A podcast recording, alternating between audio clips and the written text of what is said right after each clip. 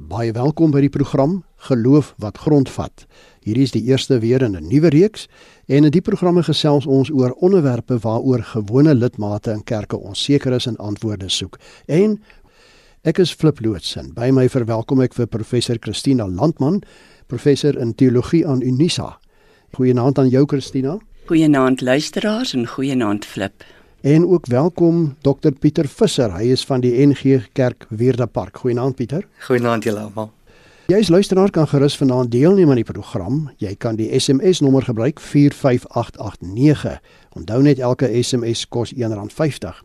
Vanweer die COVID regulasies kan ons nie direk op jou SMS reageer nie, maar ek gee dit deur aan die kundige wat bysit dat daar daarop gereageer kan word dan later.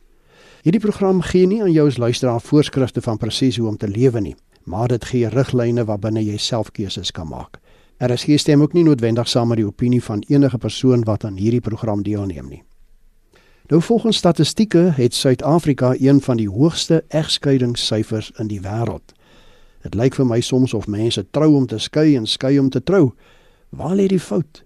Trou mense oorhaastig of weet hulle net nie hoe om die regte lewensmaat te kies nie? Geloof wat grondvat ondersoek vanaand hierdie saak. Christina, hoekom trou mense? Kan ons nie maar net lekker saamlewe nie?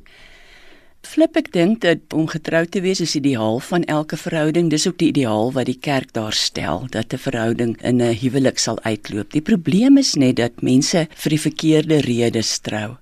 En ek dink die belangrikste verkeerde rede is dat mense trou omdat hulle dink om getrou te wees sal die probleme wat hulle reeds in 'n verhouding het regstel. Ek dink 80% van mense wat trou, was daar al reeds emosionele geweld, daar was al 70% verbale geweld, daar was al 30% fisiese geweld. En dan trou jy met die persoon wat jou geweld aandoen of die een aan wie jy geweld doen. En dan dink jy as jy getroud is dan sal daai probleme weggaan, maar inteendeel, dit gebeur nie en daarom is voorhuwelikse beraad baie belangrik en dit is nou net waar dokter Pieter se spesialiteit lê. Die spreekwoord sê Pieter trou is nie perde koop nie. As mense nou dink aan hierdie gesegde trou is nie perde koop nie, dan dink jy wat gaan ek maak? Hoe gaan hierdie verhouding van my lyk? Like? Maar daar's tog iets in die taal wat ons het van trou is nie perde koop nie. Is daar iets van die transaksionele daarin opgesluit? En ek het gedink dit kan nogal goed wees as ons bietjie kyk na hoe die huwelik gesien was in die antieke tyd, hoe dit in die Bybel gesien was en hoe ons vandag na die huwelik kyk. As ons kyk na die transaksionele, iets van 'n transaksie. In die Bybelse tyd het families eintlik met mekaar getrou. So dit was familie se manier gewees om seker te maak dat die familielyn voortgaan en dat ons beskerm kan wees. Vandag kyk ons anders na die huwelik. Vandag trou ons vir liefde. Vandag trou ons want ons is vennote in 'n verhouding. So ek sal baie graag wil hê dat ons in daai lyn vandag kyk na 'n huwelik oor hoe is ons saam 'n paartjie? Hoe fokus ons op ons verhouding en die verhoudingswaardes self? Wat is die goed wat ons teenoor mekaar uitleef? En ek dink is baie goed dat jy gesê het Christina dat baie keer sit jy met hierdie trauma van jou verlede waar jy groot geword het en weet jy nie hoe om daarmee te leef nie. So my fokus in die voorhuwelikse begeleiding is juis ook om te kyk na waar kom ons vandaan? Wat sou trauma wat baie keer daarso sit? Christina Pieter het nou net hier gesê dat vroeër jare was dit 'n soort van 'n transaksie, maar deesdae trou mense vir liefde. Hoe weet die paartjie wat trou dat die gevoel vir mekaar reg liefde is en nie net vir liefdeheid nie? En wat sou die verskil hier tussen wees? Dis waarom ons in voorhuwelikse beraad juis konsentreer op die volhoubaarheid van verhoudings en op emosionele volhoubaarheid. Met ander woorde, hoe hanteer ons mekaar se emosies? Nie net hoe reageer jy wanneer jou maat bly is nie, hoe reageer jy wanneer hy kwaad is, wanneer hy verontreg is, wanneer hy kwaad by die huis aankom wat uh, niks met jou te doen het nie. Dit het met jou te doen en hoe kan ons 'n verhouding volhoubaar maak? Dit is die program wat ons volg met voorhuwelik huwelikse beraad. En ek trou amper elke Saterdag mense, maar ek trou hulle nooit sonder dat hulle ten minste vir een sessie voor huwelikse beraad gekom het nie. Mense op 'n verskillende stadium van 'n verhouding wil hulle trou. Daar's mense wat mekaar nou net ontmoet het en baie verlief is en dan wil trou. Jong paartjies, dan is daar mense wat al 'n hele tyd lank by mekaar is en dan sal die kerk hulle aanmoedig om te trou of hulle sal om verskillende redes nou sê hulle wil trou. Hulle het dalk ook reeds 'n kind saam. En dan is die berading natuurlik anders daar. Maar die ding gaan oor die volhoubaarheid en dan gaan dit ook waar kom ek vandaan? Watter bagasie bring ek in saam met my dat ons bewus daarvan kan wees? Maar die doel van voorhuwelikse beraad is nie om vir mense te sê nee, julle is nie regtig geskik om met mekaar te trou nie. Die rede daarvoor is om te kyk watter van hierdie probleme ons het, die uitdagings ons kan optel en hoe ons dan saam met mekaar kan stap. Maar ek sê ten minste een sessie, verkieslik eintlik 6 sessies voorhuwelikse beraad voordat ek enigsins mense trou. Pieter, as ek so luister na jou en Christina, dan klink dit vir my dat om te troue baie ernstige saak is. Gaan baie paartjies nie te ligtelik daarmee om nie. Ek dink ons is geneig om in ons verhoudings nie te dink oor 'n verhouding nie. Ons leef ons verhoudings en ons praat baie keer nie oor ons verhoudings met mekaar nie. En die proses van voorhuwelikse begeleiding is 'n proses om op dieselfde bladsy te kom ek sien baie keer later in paartjies se verhoudings, eintlik in die middeljare of wanneer die kinders al uit die huis uit is, sien ek baie keer dat die oorspronklike waardes van hulle verhouding nie met mekaar gekontrakteer is nie. Mm. Dat hulle nie met mekaar gesels het oor wat ons waardes, wat is die goed wat vir ons belangrik is en dan sit ek baie keer daarso met hierdie paartjies en hulle met mekaar weer begin leer date. Hulle moet weer begin leer vriende word met mekaar, mekaar leer ken. En dit is eintlik maar die beginsel vir my van voorhuwelikse begeleiding is om op dieselfde bladsy te kom om te vra watter waardes deel ons en dan in hierdie proses is dit asof die verhouding 'n ekstra persoon word. Ek werk na daai verhouding toe. Ek werk na die waardes van hierdie verhouding toe sodat ons weet wat se taal gebruik ons. So ek dink 'n groot deel wat kort kom in verhoudings is kommunikasie. En dit veroorsaak dat ons baie keer sommer op autopilot leef met mekaar en ons neem mekaar as vanselfsprekend as ons so leef. So ek dink die belangrike ding is wanneer ons weet wat is die waardes van ons verhouding om dit teenoor mekaar uit te leef en mekaar die hele tyd daaraan te herinner. Ek dink dit is nie noodwendige ding wat paartjies doelbewus doen dat hulle dit ligtelik opneem nie. Ek dink net hulle weet nie noodwendig hoe om met mekaar te werk nie. Ek herinner net ons luisteraars daaraan dat dit RSG is met die program Geloof wat grondvat en ons gesels vanaand oor hoe kies ek die regte lewensmaat. Ek is Flip loods en my gaste is professor Christina Landman en dokter Pieter Visser. En jy as luisteraar kan gerus saamgesels, gebruik die SMS nommer 45889. Onthou net elke SMS kos R1.50. Christina, ons praat nou oor hoe kies ek die regte lewensmaat? Is 'n mooi uiterlike, 'n borrelende persoonlikheid en sekuriteit genoeg redes om met mekaar te trou? Kyk, mense het verwagtinge wanneer hulle met mekaar trou en as jy jou toekomstige lewensmaat kan afwys, dan is dit vir jou en jou oë nogal 'n pluspunt. Maar as ons praat oor die keuse van 'n lewensmaat, ek hoor dikwels by jong mans, by jong meisies, weet jy ek sukkel om die regte meisie te ontmoet. Iemand sê nou dat ek soek iemand tussen die kroeg en die kerk. Ek dink daarmee wou hy sê hy soek nie iemand wat losbandig is nie, maar hy soek ook nie iemand wat miskien in sy kop darm te behoudend is nie. Maar ek sien by jong mans dat dit vir hulle partykeer moeilik is om die regte meisie te ontmoet. Hulle sê van die meisies het reeds kinders, van die meisies sê die jong mans stel nie regtig belang in 'n langdurige verhouding nie. So om 'n regte lewensmaat te ontmoet is eintlik 'n ernstige kuns vandag maar ek dink dat huwelik gaan nie oor daardie uiterlike dinge nie. En dit is juist wat die voorhuwelikse beraad moet vasstel is soos hy gesê het wat is die dinge wat ons deel met mekaar?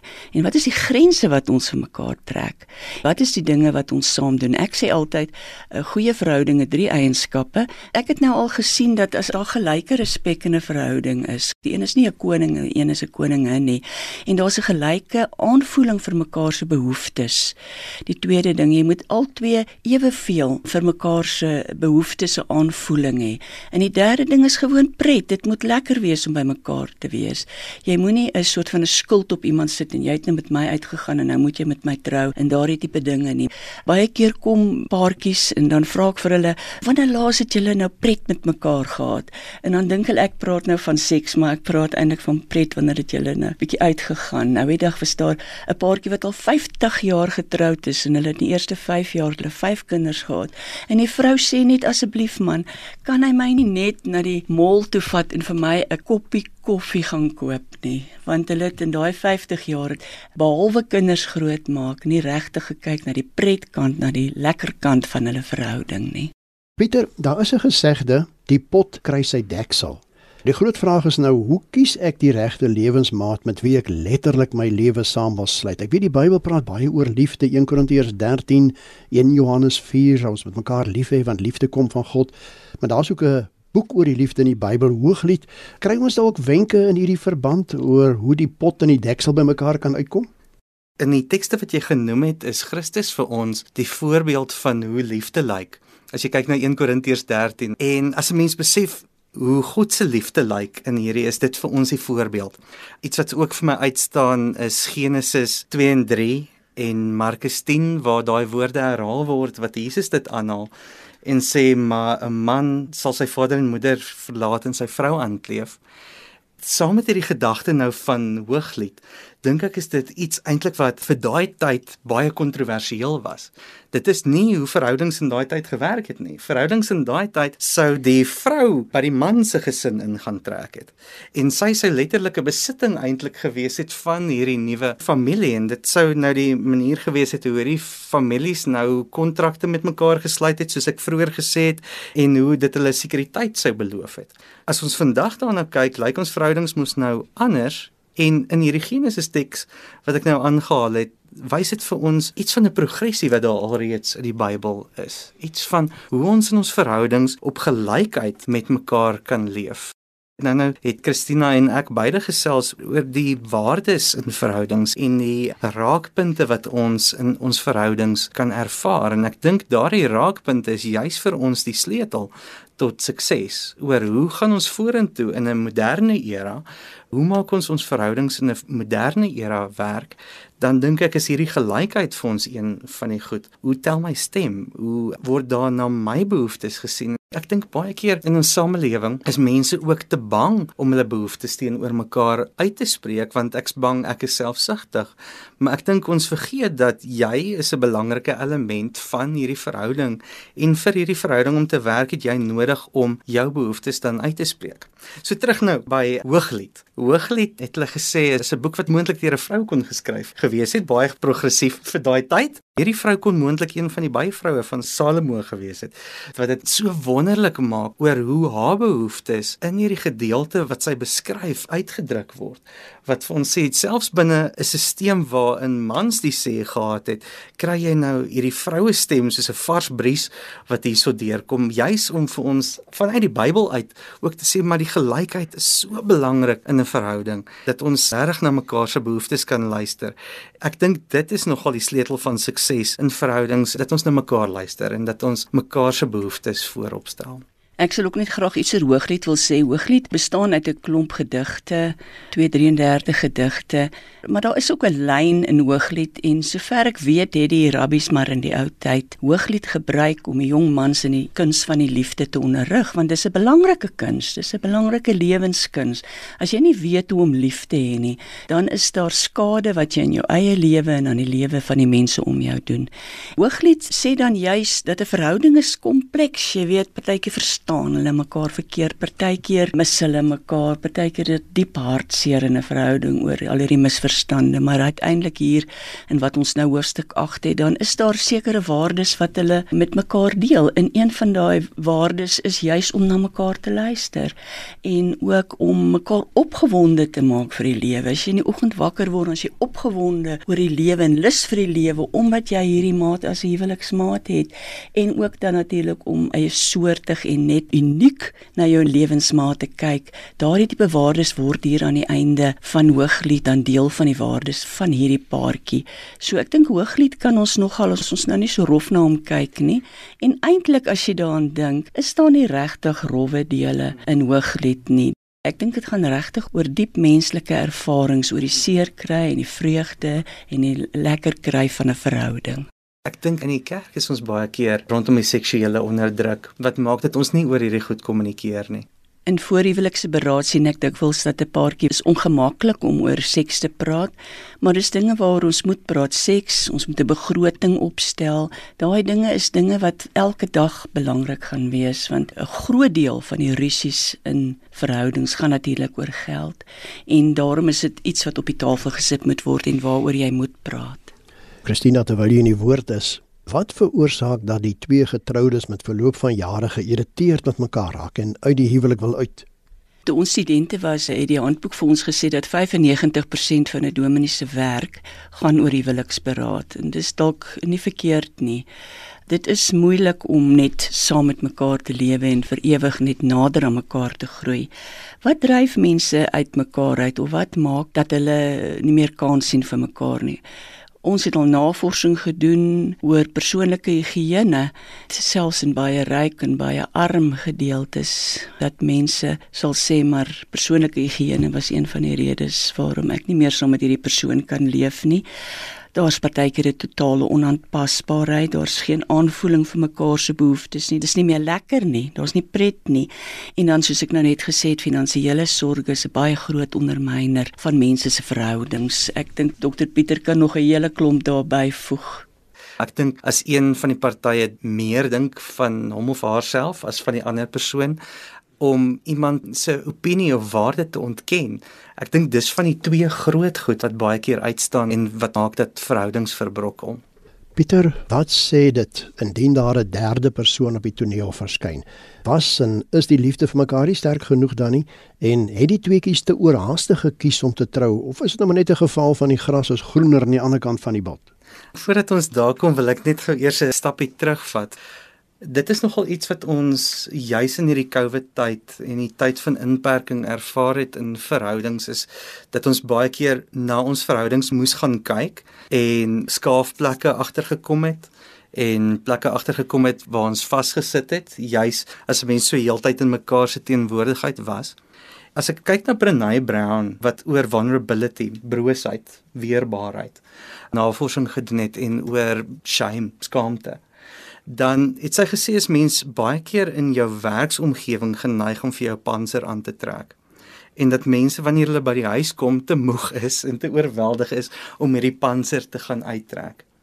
Mettertyd en ons het vroeër verwys na paartjies wat later in die lewe by ons kom sit en gesels oor hulle verhoudings en agterkom hulle ken mekaar nie meer nie hulle luister nie meer noodwendig na mekaar se behoeftes nie want ons was so ingestel op die kinders se behoeftes en om by die werk al die goed gedoen te kry dat 'n mens mettertyd mekaar verloor en mekaar nie meer ken nie. En ek dink juis hierdie broosheid, hierdie weerloosheid wat ons in ons verhoudings teenoor mekaar moet kweek, Ek kyk jy's gister na 'n nuwe TV-program waarin die een vrou sê maar sy's te bang om in 'n verhouding te wees want sy's bang om haarself broos te maak. En ek besef juis in verhoudings dis vir ons nodig het om te wees om onsself broos te maak in 'n verhouding om dit te kan werk.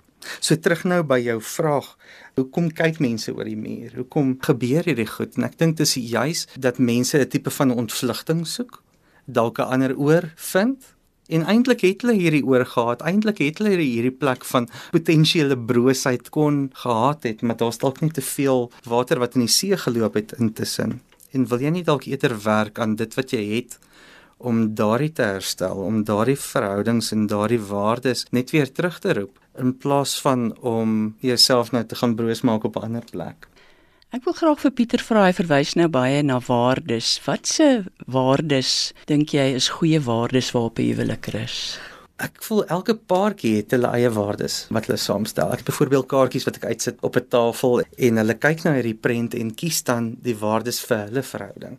So in plaas van dat mense soos 'n sjabloon waardes vir 'n paartjie gee, sal ek eerder verkies dat hulle self hulle waardes kies as om te sê hier is die waardes geleef volgens hierdie maar kom oor die algemeen nogal agter dat waardes soos eerlikheid, openheid, kommunikasie, liefde, vriendskap, pret is juis van die goed wat ek in baie paartjies se verhoudingswaardes sien en dit is van die goed wat nogal hulle deurdra in hulle verhaal vorentoe.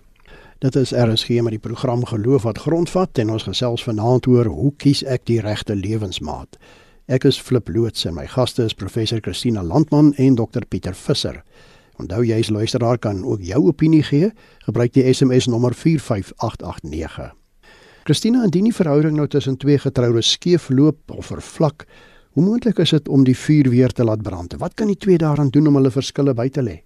Ek dink wat 'n mens saam met so 'n paartjie sal doen is dat hulle nie teenoor mekaar sal staan nie. Man sê die vrou is 'n bloedseier en die vrou sê die man is 'n psigopaat nie. Dat hulle soms sal sê, "Kyk, hierdie is die probleem. Ons eksternaliseer daai probleem en dan staan ons saam op teen die probleem." en dat ons uitgaan van die veronderstelling dat ons gaan saam iets aan hierdie probleem doen dat die probleem nie groter is as ons twee nie. Pieter Hooglied 3 vers 5 leer moenie die liefde aanwakker of wakker maak en aanvuur voor die tyd daarvoor ryp is nie. Waarom hierdie waarskuwing en waarna verwys dit? Voorhuwelikse intimiteit of 'n geleidelike aanpas by mekaar? Hy dan verwys na Hooglied en jy's eintlik 'n vrou wat 'n stem kry in hierdie boek. As jy kyk na Hooglied 3, is dit juis waar sy eintlik ook haar behoeftes uitspreek. Sy's opgewonde oor die verhouding, sy's opgewonde oor haar troue en spreek dan eintlik haar behoeftes en haar seksuele behoeftes in hierdie gedeelte uit. Maar dan sien sy binne daai kultuur gaan sy skande bring oor haar familie as sy hierdie goed gaan uitleef en dan stop sy haarself eintlik wat ek eerder wil wegvat van hierdie gedeelte is die gelykheid. Is die stem wat die vrou juis kry in hierdie gedeelte. So dis vir my minder 'n waarskuwing teen iets soos voorhuwelikse seks, maar eerder iets om 'n stem te kry vir jou seksualiteit en 'n stem te kry oor hoe leef ek hierdie intimiteit in my verhouding uit. So sy was gebonde aan sekere kulturele norme, sou sy dit uitleef in daardie oomblik, sou sy skande oor haar familie gebring het en daarom sit sy dit stop in die oomblik. So dit gaan vir aan die een kant oor die kulturaliteit, oor hoe leef ek veilig in hierdie verhouding en aan die ander kant het sy hierdie behoefte na haar toekomstige man wat ek dink so mooi in hierdie gedeelte uitgebring word. Kollegas, ons moet begin saamvat. Christina, watter raad het die kerk vir mense wat wil gaan trou? Ek dink die belangrikste ding is om te sê dat om saam te trek in 'n huwelik kom nie van self nie. Dis iets wat jy baie hard aan moet werk.